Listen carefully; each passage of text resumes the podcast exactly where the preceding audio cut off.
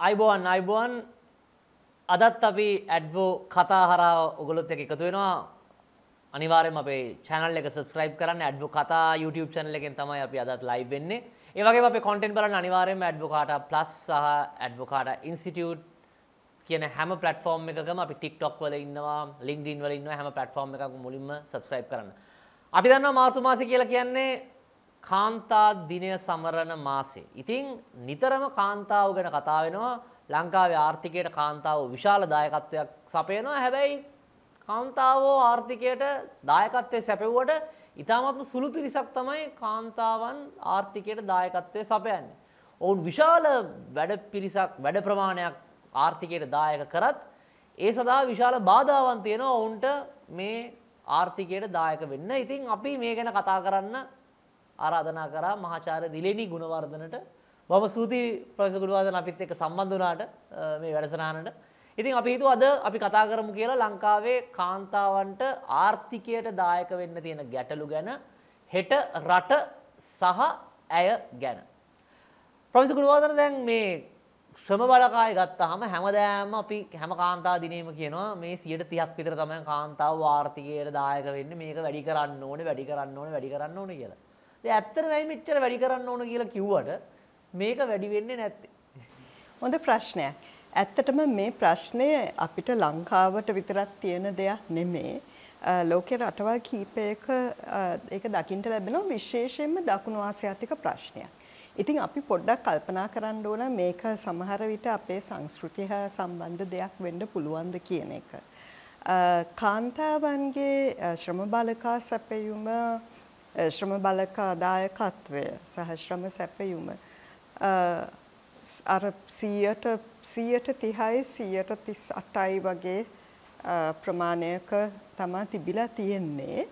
නමුත් ඒ තුළ විවිධ වෙනස්වීම් අපිට දකිින්ට ලැබෙනවා.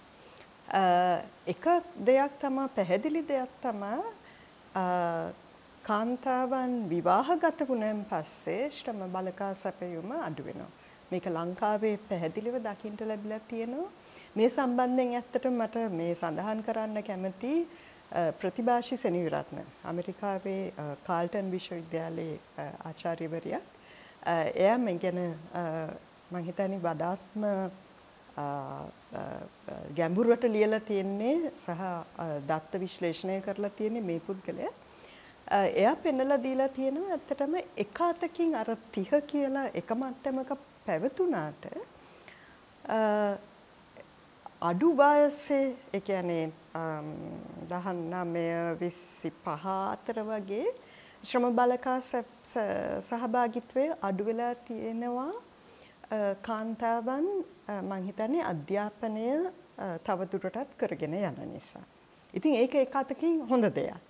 නමුත් අනිත් පැත්තෙන් විවාහගත කාන්තාවන්ගේ ශ්‍රම බලකා සැපයුම අඩු වෙලා තියෙනවා. ඉතින් මම හිතන්නේ මේ මේ දෙක සම්බන්ධ වෙලා තමයි අපිට මේ එක මට්ටමක 30 ගණන් වල තියෙන මේ ශ්‍රම බලකා දායකත්වය.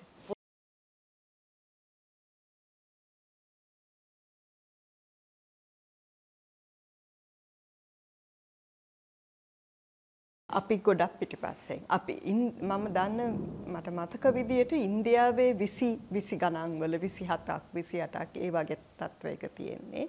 ඉතින් අපි ඉන්දියාවට වඩා ඉදිරි. නමුත් අග්නිදික ආසියාතික රටවල් එක්ක සලකලා බලනකොට අපි පිටිපස්සෙන් ඉන්නේ. අප්‍රිකාවත් එක්ක සලකලා බලනකොට අපි පිටිපස්සෙන් ඉන්නේ. නමුත් මේක රටවල් පොදු වශයෙන් රටවල් වලට බලපාන දෙයක්. ලටින් අමරිකානු රටවල් වල මේ වගේ තත්ත්වයක් තිබුණට එයාලා තරමක් දුරට ඒ ප්‍රශ්නේ ප්‍රශ්නෙන් ගොඩ ඇවිල්ලා තියෙනවා. නමුත් මේක දකුණු ආසියාවේ අපිට තියෙන ගැඹුරු ප්‍රශ්නයක් ශ්‍රී ලංකාවේ ශ්‍රී ලංකාවේ මම හිතන්නේ ඇත්තටම වැදගත් වෙන්න හේතුව අපිට අධ්‍යාපනය පැත්තෙන් අපට ගැටලුවක් නැහැ. කාන්තාවන් අධ්‍යාපනය අතින් පිරිමිනි ඉක්මවක් ගිහිල්ලා තියෙනවා. නමුත් ඒ අධ්‍යාපනය එයාලා යොදනවා මදි කියන දේ තමයි අපට පේන්නේ ශ්‍රම වෙළඳපළේ. පැදිලි දැන් මහිතන හැමෝට මුතුන් කියන අවශ්‍යතාවයක් නෑ කාන්තාව ශ්‍රම බලකායට දායක වෙන එක කොච්චර වැදගත්ද කියලා මොකද සාමාන්‍ය අපි අර කොළහවසර ඉගෙන ගන්න ආර්ථිකය තියෙන්නේ භූමියේ ශ්‍රමය ප්‍රාග්ධනය ව්‍යවසාය තමයි මූලික නිෂ්පාදන සාධක හතර කියලා. ඉතින් ඒකේ ශ්‍රමය කියන කෑල්ලට අනිවාර්යෙන්ම පුළුවන් තරම් පිරිස දායක වෙන්න ඕනේ. එතකොට තමයි ආර්ථිකය ඉස්සරහට යන්නේ. ඉතින් ඒකේ දැනුම හැකියාව වැඩිපුර තියෙන කට්ටිය මේකට දායක වෙනවා කියලා කියන්නේ අපිට කර්මාන්ත කරන්න ආයතන කරන්න මේ දැනුම මානව සම්පද පාවිච්චි කරන්න විශාල හැකියාවක් තියෙනවා. අනිත් එක අපි කාන්තාවන්ස අපි හැමෝම වෙනුවෙන් අධ්‍යාපනයට විශාල ආයෝජනයක් කරලා ඒගොල්ලෝ ආය පාරක් 130ක් විතර නම් කාන්තාව තමයි අපේ ජනගහනයනොත් වැඩිපුර පිරිසක් ඉන්නේ. ඕන්න ආර්ථිකයට දායක වෙන්නේ නැත්තම් ඒක ලොකු ගැටලුවක් බවට පත් වෙනවා. දැන් ප්‍රොෆෙසර් ගුණවර්ධන අපේ ශ්‍රම බලකායට සිදුවන දායකත්වය අවුරුදු ගානක ඉඳන්ම එතන අවුරුදු 5ක් 6ක ඉඳන්ම මේකත් එන්නේ අඩු වෙනවා. දැන් අපිට අඩු මට්ටමකම තියෙනවා නම් අපිට හිතා හදා ගන්න පුළුවන්. හරි මේක තමයි ප්‍රොෆෙසර් කිව්වා වගේ මේක මේ කල්චරල් දෙයක්. එහෙම නැත්නම් මේක රටේ හැටි.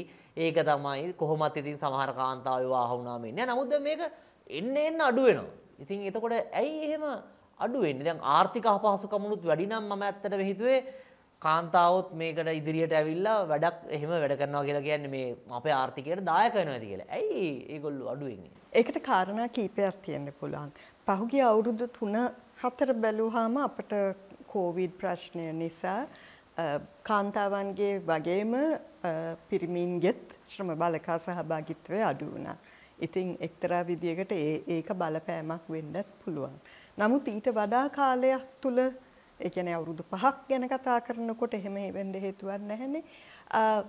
සමහර විට මේ මේක මම කිව්වා වගේ ඉන්දියාවේ තවත් රටවල් වල දකින්න ලැබෙන දෙයක් තමයි කාන්තාවන්ගේ අධ්‍යාපනය වැඩිවීමත් සමග ගොඩක් වෙලාවට ඒ කියන්නේ ඉගෙනගත්තු කාන්තාවක් බඳින්නේ ඉගෙනගත්තු පුරුෂයෙක්.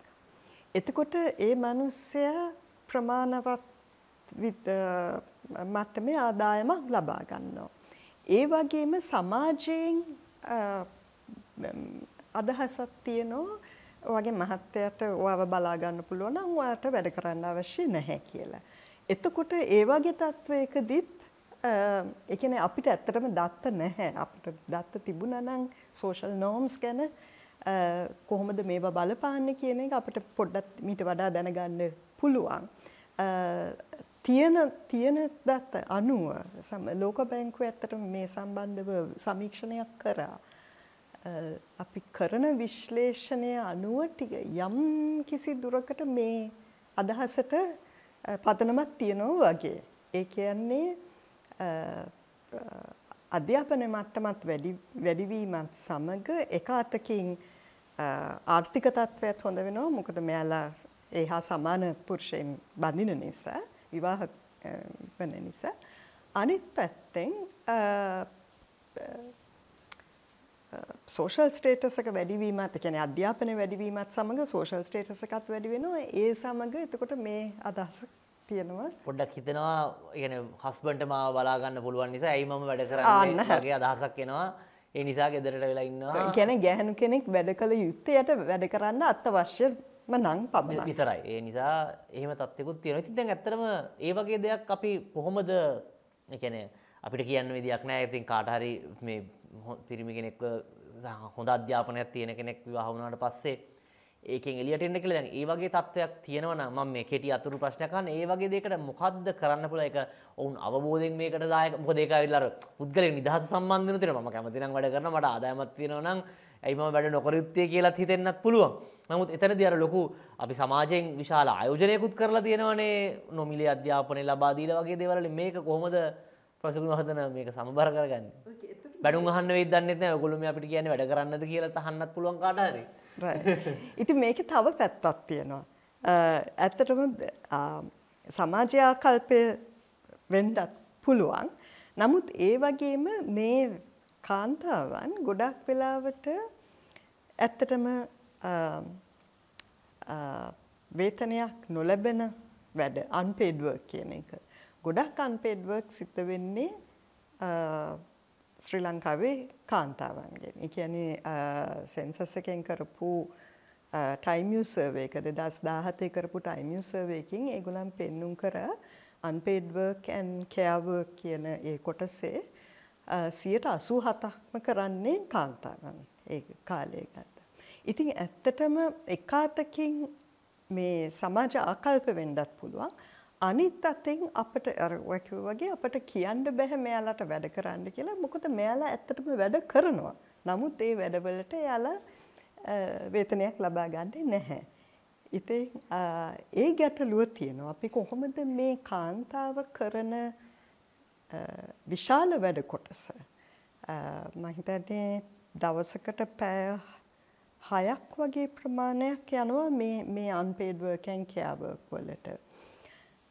ඒ ඒ ඒ වැඩ කොටස කවුද කරන්නේ අපි ඒක වෙළඳපලෙන් හෝ රජයෙන් හෝ සපයන්ඩ ක්‍රමයක් තියෙනවාද මොකද කාන්තාවන්ට ඒ වැඩ අඩු කරන්න නම් සොරි වෙළඳපලට පිවිසෙන්ඩ නම් අර ගෙදර වැඩ ටික කවුරුහරි කරන්නඩුවන්න. ඉතින් ඒ ඒ ප්‍රශ්නෙත් තියෙනවා. ඉතින් මහිතන මේ දෙකම තියෙනවා. අපට එකතකින් අන්පේඩ්වර්ක් ප්‍රශ්නයට විසඳුමක් ලබල දෙන්ඩුවන සෝෂල් නෝම්ස් ප්‍රශ්නයට විසඳුමක් ලබල දෙන්ඩුවන. Um, තවත් uh, ඔබතුමා ඇහුවා මේ uh, විසඳුම් සෝෂල් නෝම්ස් ප්‍රශ්නට විසඳුම් මොකක්ද කියලා. එක්තරා විදියකට මම කිව්ව අධ්‍යාපනය වැඩිවීමත් සමග මෙන මේ වගේ ප්‍රශ්නයක් ඇති වෙනවයි කියලා. අධ්‍යාපනය එකනේ උපාධයක් කරනවන එතකොට වැඩිවීමේ සම්භාවිතා වැඩ කිරීමේ සම්භාවිතාවේ වැඩි වෙනවා එකන ජොබ් එකක් කරණය සම්බන්ධිතාවේ වැඩි කරනවා ටර්ශරි ඩියුකේෂන් තියෙනවන. නමුත් සෙකන්ඩරි ඩියුකේෂන් වලින් නැවතුනොත් එතකොට වැඩ කිරීම ජොබ් එකක් කිරීම ලේබ ෆෝස් පාටිසිපේෂන් සම්බන්ධතාවේ අඩුවෙනවා. එතකොට ඔවු අදැන් එතකොට මහිතන බලංගෙන කට්ටිට කියන්න ඕනේ. ති මේක තරමක් සංකීර්ණ තත්ත්වයක්. අපි මේක හරියට සමබර කරගන්න ඕනේ. කාන්තාවන් ශ්‍රම බලකායට දායක කර ගැනීමකට. හැබැයි වැදගත් වෙන්න අපි ඔවුන්ව ශ්‍රම බලකායට කොහොමරි දායක කරන්න දිරිගන්වන එක. මොකද එතකොට අර සමහර වෙලාවට ඒ අවශ්‍යතාවයත් එක්ක අපිට ආර්ථිකය පොඩ්ඩක් ඉස්සරහට තල්ලු කරන්න පුළුවන්. ඔගොල්ලන්ට ප්‍රශ්න තියෙනවා අනිවාර්යෙන් අපිට ප්‍රශ්න යොමු කරන්න. YouTube channel එක අපි ඇඩ්ව කතා හරහා තමයි සම්බන්ධ වෙන්නේ. ඒ වගේම Facebook එකෙත් අපි live ඉන්නවා. ඉතින් ඒ නිසා ඕන ප්‍රශ්නයක් අපිට එවන්න අපිට පුළුවන් මේ ප්‍රශ්නේ ඔබ එවන විදියටම ප්‍රොෆෙස ගුණවර්ධනට යොමු කරන්න මං අපේ පිරිස ප්‍රශ්නය වනකම් මං කැමති දැනගන්න දැන් ආර්ථික අර්බුදයකනේ ප්‍රොෆෙස ගුණවර්ධන අපි ඉන්නේ හැමෝම කියනවා හැමෝම කියනවා නෙවෙයි ඉතින් අපි හැමෝම අත්දකිනවා ආර්ථික අර්බුදයක ඉන්නේ කියලා. දැන් කාන්තා ශ්‍රම බලකාය කාන්තාවන් ශ්‍රම බලකායට අඩුවෙන් දායක වීම ආර්ථික අර්බුදයට බලපාන විදියක් තියෙනවා. ඒකට මොන වගේ බලපෑමක්ද තියෙන්නේ? කාන්තාවන්ගේ බල ශ්‍රම බලකා සහභාගිත්වය අඩුවීම ආර්ථිකාර්බුදයට බලපාන විදියක් තියෙනවා. මම මේ ප්‍රශ්නය ටිකක් වෙනස් කරන්න කැමති. ආර්ථික අර්බුදයෙන් ගොඩ ගැනීමට නම් අපට කාන්තාවට මොනවද කරන්න පුළුවන්. ඒක වැදගත් විදියක්. ඔව්. ඉතින් මම හිතන්නේ ඇත්තටම ඒකට අපට මම හිතන්නේ අපි මුකුත් කරන්නත් ඉස්සෙල්ලා සාමාන්‍ය කියන්නේ අපට ලැබ දැනගණ්ඩ ලැබෙන තොරතුරු වලින් කාන්තාශ්‍රම බලකා සහභාගිත්වයක් තියෙනවා. එක තරු සංඛ්‍යත වලින් ඒ අව්වෙල තියෙනවද මම දන්න නමුත් උදාහරණයක් වශයෙන් හස්බන්ගේ රැකියාව නැති වුණහාම කාන්තාවන් මොකක් හරි දෙයක් කරනවා එක්කෝ ඉන්දිය අප ටිකක් හදලා විකුණනවා එක්කෝ මොකක් හරි කෙටිකාලීනව හරි ෆැක්ට්‍රික ගිහිල්ල වැඩි වැඩ කරනවා. ඉතින් කාන්තාවන්ට අවස්ථාවන් තිබෙනවා නම් එයාල මේ දේ කරනවා. නමුත් මංහිතනේ අපට සමහර අංශ තියෙනවා ආර්ථිකේ. කාන්තා ශ්‍රම බාලකා සහභාගිත්වේ ඒ අංශවලට වැදගත්. සේවා අංශවල හෙල් සෙක්ට ටුවරිසම් සෙක්ට ඒ වගේ සෙක්ටස් ගත්තහම ඒවට කාන්තාවන් ෂෝටේචස් තියෙනවයි කියන එක සහ මැනිෆෙක්චරින් ෂෝටේචස් තියෙනවයි කියලා කාලයක් තිස්සේ අත්තටම කියලා තියෙනවා. ඉතින් මං හිතන්නේ ඒ අංශවලට අපට යම් කිසි දෙයක් කරන්න පුළුවන් නම් මං හිතන්නේ ප්‍රධාන වශයෙන් අපි එක දෙයක් කරනවා නම් මේ සම්බන්ධයෙන් ඒ ඇවිල්ලා කෙයා පැත්ත. ඒ කියන්නේ කාන්තාවන් ළමයි බලා ගන්න නැත්නම් චයිල්ඩ් කෙයා සපයන්න නැත්නම් එතකොට ඒ කවුරු හරි එක සපයන්න ඕන. එක්ක වෙළඳපළින් එක්ක රජයෙන්. අනික් පැත්තට අපිට තියෙනවා එල්ඩර් කෙයා ප්‍රශ්න. ඒ කියන්නේ අපේ අපේ ජනගහනය වයස්ගත වෙනවා. ගොඩක් කන්තාවන්ට දැන් තියෙන ගැටලුව තමයි එයාලගේ දෙමව්පියෝ වයස වැඩි එයාලට ළමයි බලාගන්න උදව් කරන්න. අනෙක් පැත්තට එයාලගේ ළමයි බලාගන්න කවුරු හරි ඉන්නත් ඕන. ඉතින් මේ මේ දෙකෙන්ම එයාලා තරපෙනවා. ඉතින් අපිට මං හිතන්නේ අපිට මේක මේක නිකන් වෙන්න දෙයක් නෙමෙයි. රජයෙන් ප්‍රතිපත්ති සම්පාදනය කරන්න අවශ්‍යයි ඒවා ක්‍රියාත්මක කරන්න අවශ්‍යයි විශේෂයෙන්ම මේ කෑ පැත්ත සම්බන්ධයෙන්. හොඳයි.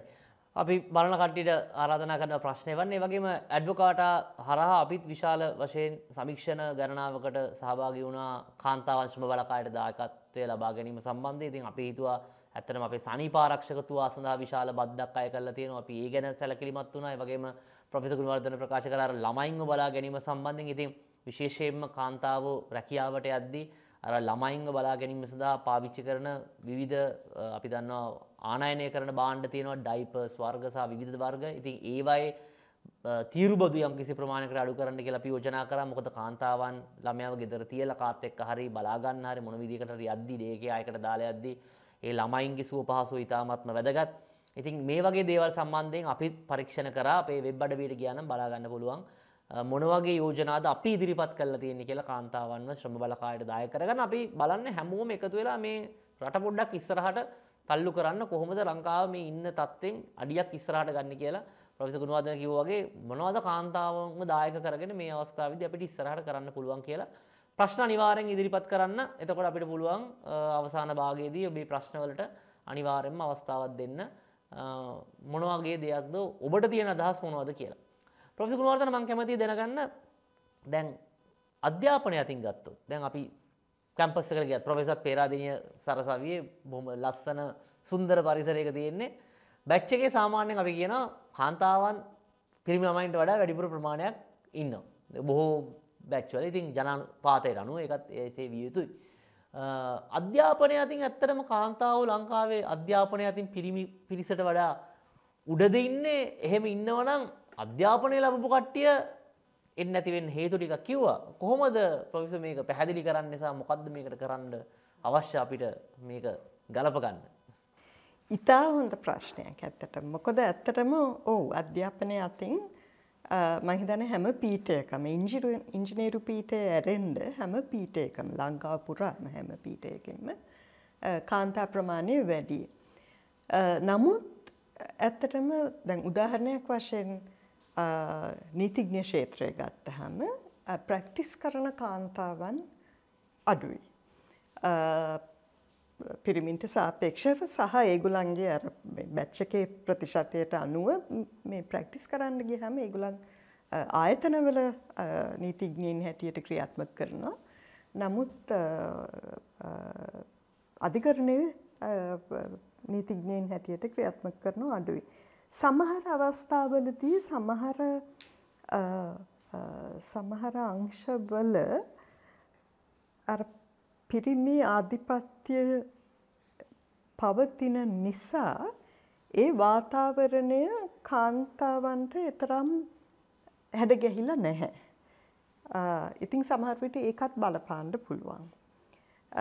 ඒ වගේම නැවත අර ප්‍රශ්නයටම එනවා. ඒ කියන්නේ තවමත් අපි ලංකාවේ අපි බලාපොරොත්තු වෙනවා දරුවන් හෝ පවුල් අපි ගොඩක් වෙලාවට මේ කෙයා ගැන අපි කතා කරනකොට අපි කතා කරන්නේ ඒක පවුලේ දෙයක් හැටියට.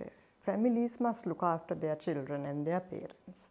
නමුත් ඇත්තටම මේක අපි දරුවන් ගත්තාම කුඩා දරුවන් ගත්තාම ඒ දරුවන් තමයි අන්තිමට එයාලා වර්ධනය වෙලා එයාලා ඊළඟ පරපුරේ ශ්‍රමිකයින්. ඉතින් පුද්ගලික අංශයට වුණත් ශ්‍රමිකයින් නැහැ මේ අම්මලා යාලව බලා ගන්න නැත්නම් කවන්න නැත්නම් ඇඳුම් ලබල දෙන්නත්න. ඉතින් මේක ඇවිල්ලා සමාජයේ වගකීමක්. සහ අපි හිතුවොත් රජය ඇවිල්ලා සමාජයේ දැයිස සෝෂල් කන්ස්ට්‍රක් කන්ට්‍රක්්. එතකොට මේක රජයේ වගකීමකුත් වෙනවා. ඉතින් ඉතින් එකාතකින් මට හිතනවා ඒ අපි කල්පනා කරන්න ඕන සමාජය ගත්තහම සහ ආර්ථිකය ගත්තහම අපි කියනවා ජෙන්ඩර්ඩ් ඉකොනමි කියලා ඉතින් අපි ගත් අපිට ඇත්තටම ප්‍රතිපත්ති ගැන කතා කරනකොට අපට ටිකක් කල්පනා කරන්න වෙනවා අපි අධ්‍යාපනය ලබලා දුන්නා හැමෝටම. නමුත් මේ හැමෝ මාතර ගැහැණු අයත් ඉන්නවා පිරිම අයත් ඉන්නවා. සහ අපි කල්පනා කරේ නෑ සමාජයේ මේ ගැහැණු අය ගැන යම්කිසි විදියක ආකල්පයක් දරනවා. ඒක අවහිරයක් වෙයි කියලා අපේ මේ ආයෝජනය අපට ලැබිය යුතු ප්‍රතිලාභ ලබා ගන්න. පැහැදිලිමට පැහැදිලින? රයි. ඒක තමයි. දැන් එතකොට අධ්‍යාපනය සම්බන්ධයෙන් තමයි අපි කතා කර. අපිට ප්‍රශ්නත් එනවා. අපිට ප්‍රශ්නයක් අහල තියෙනවා.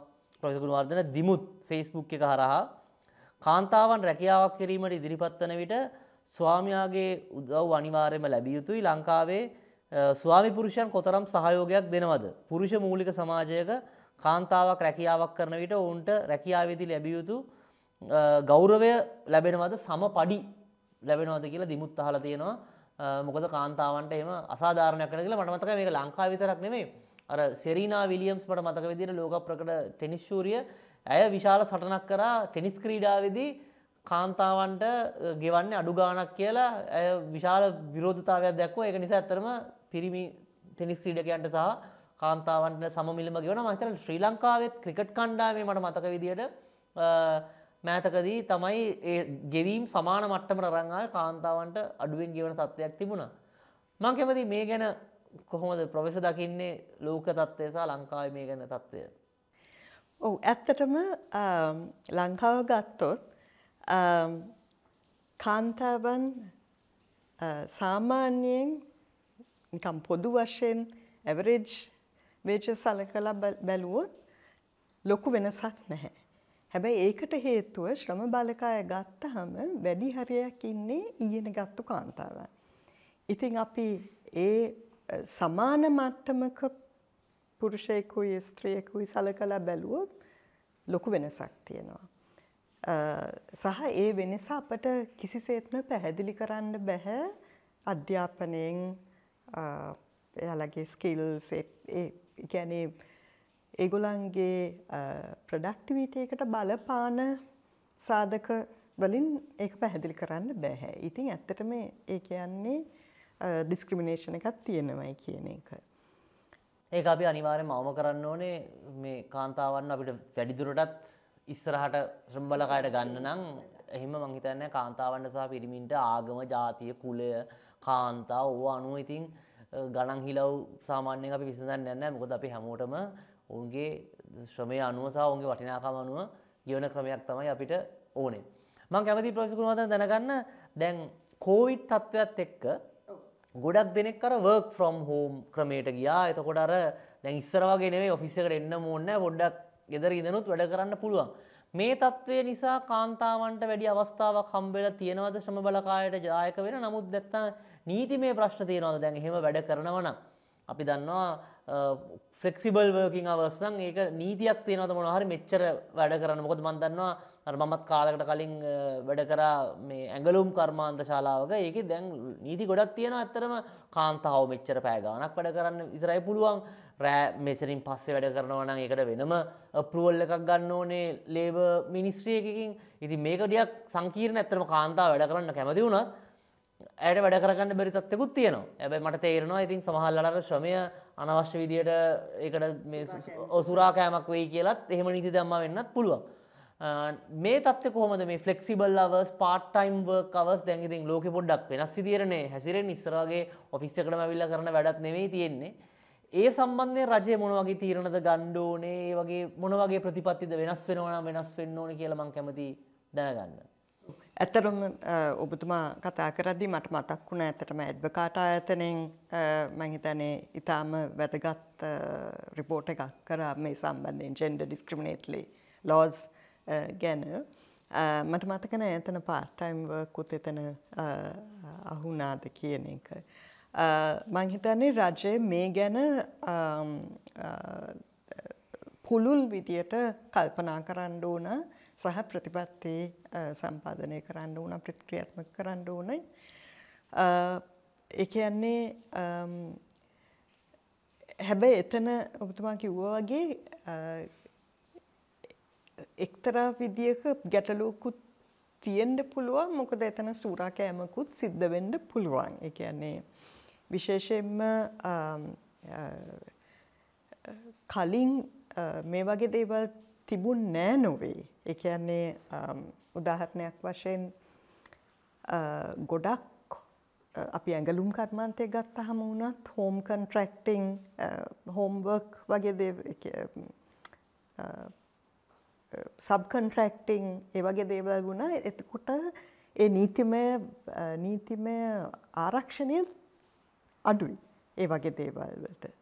සහ ඒක මං හිතන්නේ ක්‍රියාත්මක කරන්න මොනිටර් කරන්න ටිකක් අපහසුයි. අනෙක් පැත්තෙන් හැබැයි work from home තියෙන තරමට කාන්තාවන්ට පහසුතා වැඩි සහ ඒ වගේම ප්‍රවාහනය සම්බන්ධ තියෙන අපහසුතාවුත් අඩුයි. ඉතින් work from home ඇවිල්ලා ඇත්තටම හොඳ හොඳ විකල්පයක්. නමුත් අපි එතකොට එකාතකින් අපි කරන්නේ අපි එතකොට කියන්නේ කාන්තාවන්ට ගෙදර වැඩ ගොඩක් තියෙනවා. ඉතින් මේ අපි ඒ ගෙදර වැඩක් ගොඩක් තියෙන කියන එක අපි චලෙන්ජ් කරන්නේ. දැන් දිමුත්ත එක චලෙන්ජ් කරලා තියෙනවා යාගේ ප්‍රශ්නය ඉති මංහිතනේ අපි ඉස්සරහට ඒ චලෙන්ජ් කිරීමත් එක්කම ඉස්සරහට යන්න ඕන. should only females work from home කියන එක.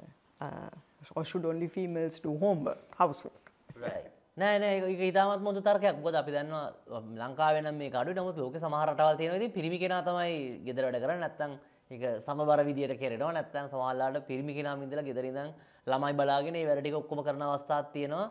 රැකියාවේ ඒ ලැබෙන ආදායම අනු ප්‍රශ්න තියන අනිවාරය යොමු කරන්න. දිමුද්ග ප්‍රශ්න වගේම තියෙන ප්‍රශ්න අපි පුළුවන් ප්‍රවිස ගුණවාදනට ඉදිරිපත් කරන්න. මේ කාන්තාවන්ගේ දිනය සමරණ මාසේ ඇය අපිට ඉතා වැදගත්. ඇය නැතුව අපිට මේ රට ඉස්සරල රංයන්ට බෑ. ඉතින් ඒ නිසාර එදවසින්න ලස්සන වැකියකුත් තියෙන අර ලෝකය පදවන්නේ ලෝකය නලවනත් හස්තය ලෝ නල කන්ට්‍රෝල් කරනවා කියලා. ඉති ඒ නිසා තොටිල්ල පදවනත ලොව නලවයි කියලා කතාවක් තියෙන ඉතින් ඒ නිසා අපිට කාන්තාවන් අවශ්‍යයි මේ ආර්ථික ගමන ඉස්සරහට අරගෙන යන්න. ප්‍රසිකුවර්තන මං ඊට පස්සේ දැනගන්න කැමති ඇත්තරම දැන් කාන්තාවන්ව ශ්‍රම් බලකායට සම්බන්ධ වීම ගැන අපි සෑහෙන කතා කරා මොන වගේ ප්‍රතිපත්තිද හැදෙන්ඩෝනේ වර්ක් ෆ්‍රම් හෝම් ගැන ෆලෙක්සිබල් වර්ක් කවර්ස් ගැන අපි සාරංශ වශයෙන් කතා කරා.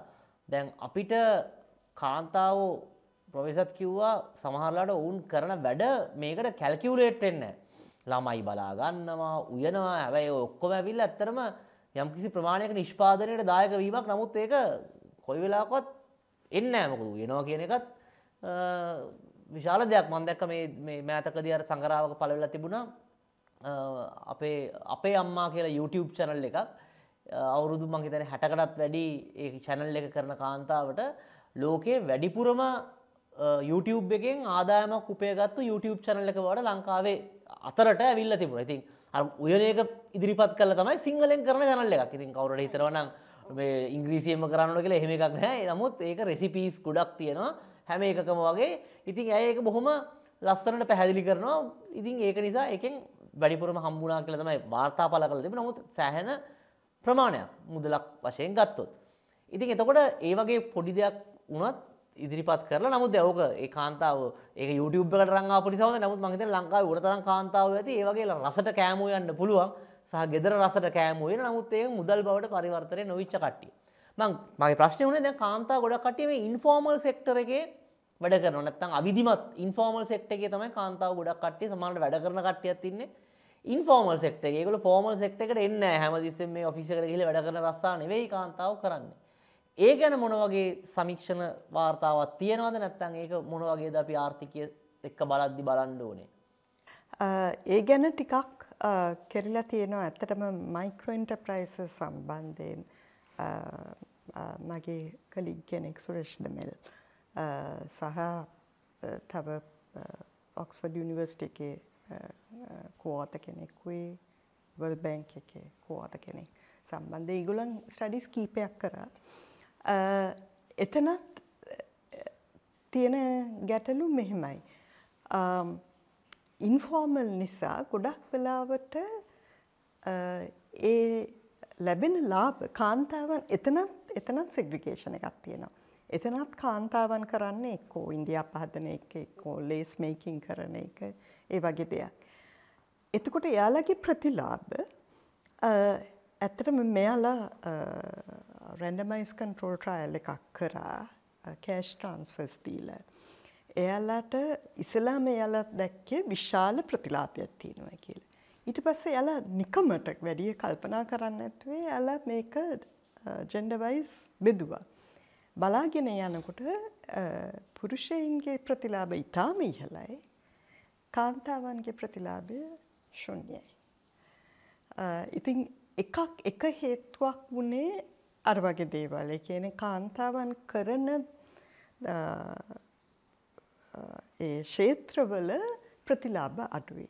සහ ගොඩක් ඒ කියන්නේ ජෙන්ඩර් ඉකොනොමිස්ලා ෆෙමිනිස්ට් ඉකොනොමිස්ලා කියන්නේ ඒකට එක්තරා විදිහකට හේතුව ඒක කාන්තාවන් කරන නිසායි. සමාජයේ ඒකට අඩු වටිනාකමක් දෙනවයි කියන එක.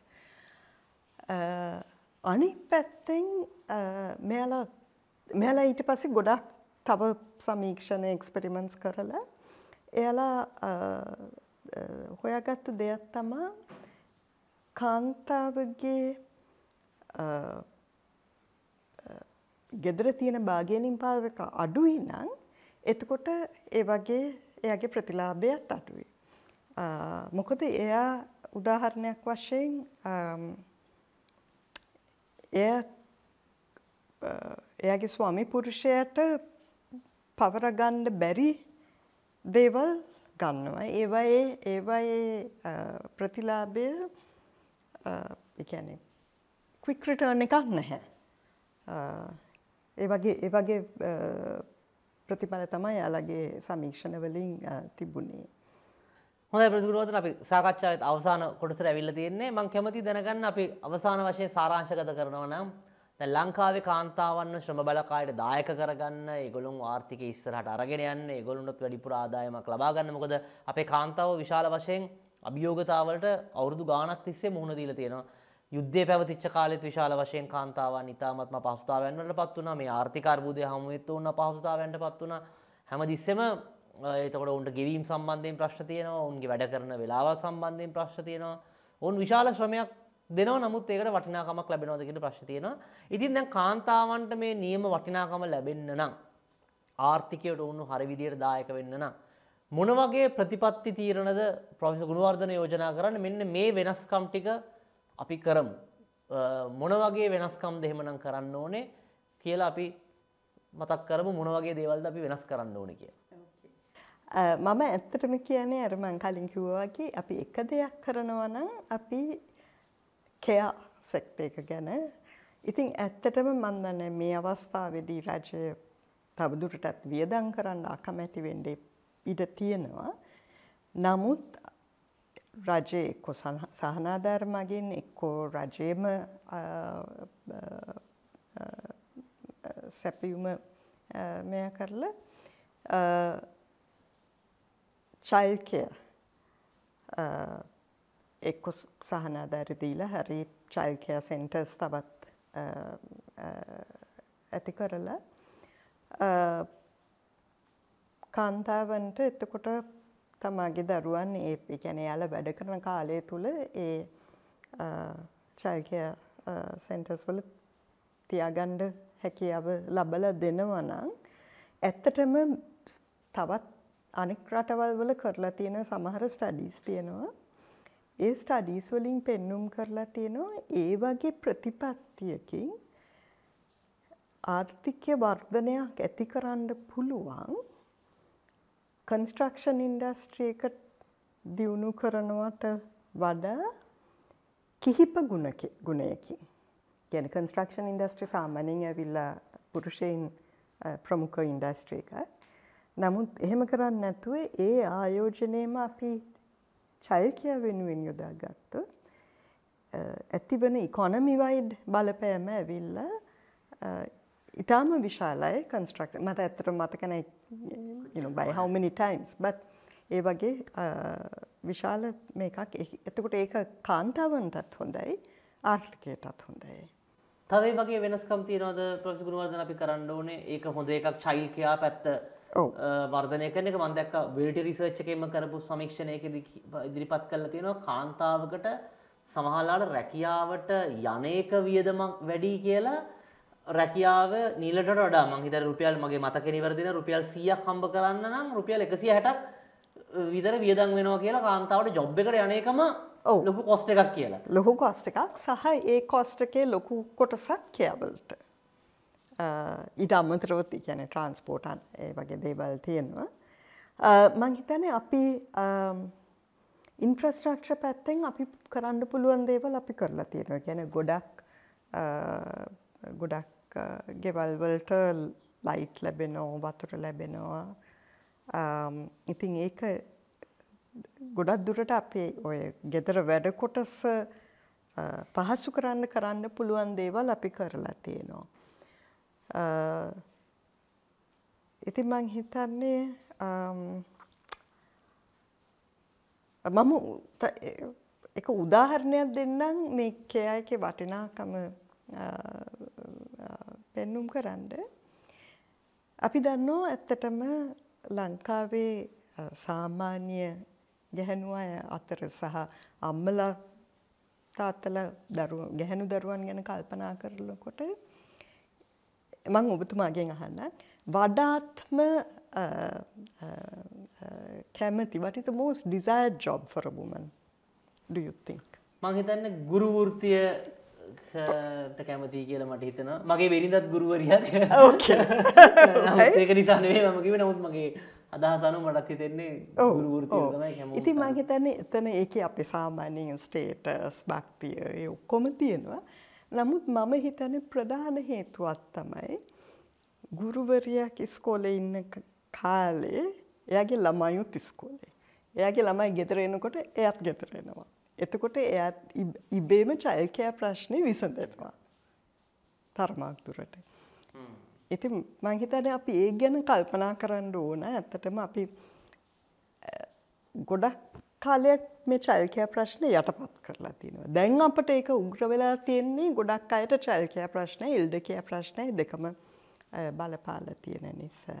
මං ඒකටම චයිල්ගයා ප්‍රශ්නය අහපු නිසා මම මම දැක්ක ක්‍රෝේෂයාවේ මං ගිය මේ හම්බුනාට පසේ ඉන්න කෙනෙක් එයා කිව්ව දෙයක් තමයි ඒගොල්ලොන්ගේ දැන් ඔෆිස් වැඩ දැන් සාමාන්‍යයෙන් දැන් ලංකාවේ තියෙන ප්‍රශ්න තමයි ළමයා විස්කෝලට බස්සන්න ඕනේ හතහමාරට. ඔව්. ඊට පස්සේ 9ට අපි හිතමු හතහමාරට ජොබ් එකට දාලා ආය යන්න පුළුවන්. හැබැයි එකහමාරට ආය ළමයා විස්කෝලෙන් ගන්න කවුරු හරි ඉන්න ඕනේ. ඊට පස්සේ එතන මාර්ග තදබදයක පත්තෙන් ගත්තත් හතහමාරටත් ට්‍රැෆික් 9ටත් ට්‍රැෆික් එකහමාරටත් ආය පාරක් ට්‍රැෆික් ආය පාරක් හවස පහමාරටත් ට්‍රැෆික්.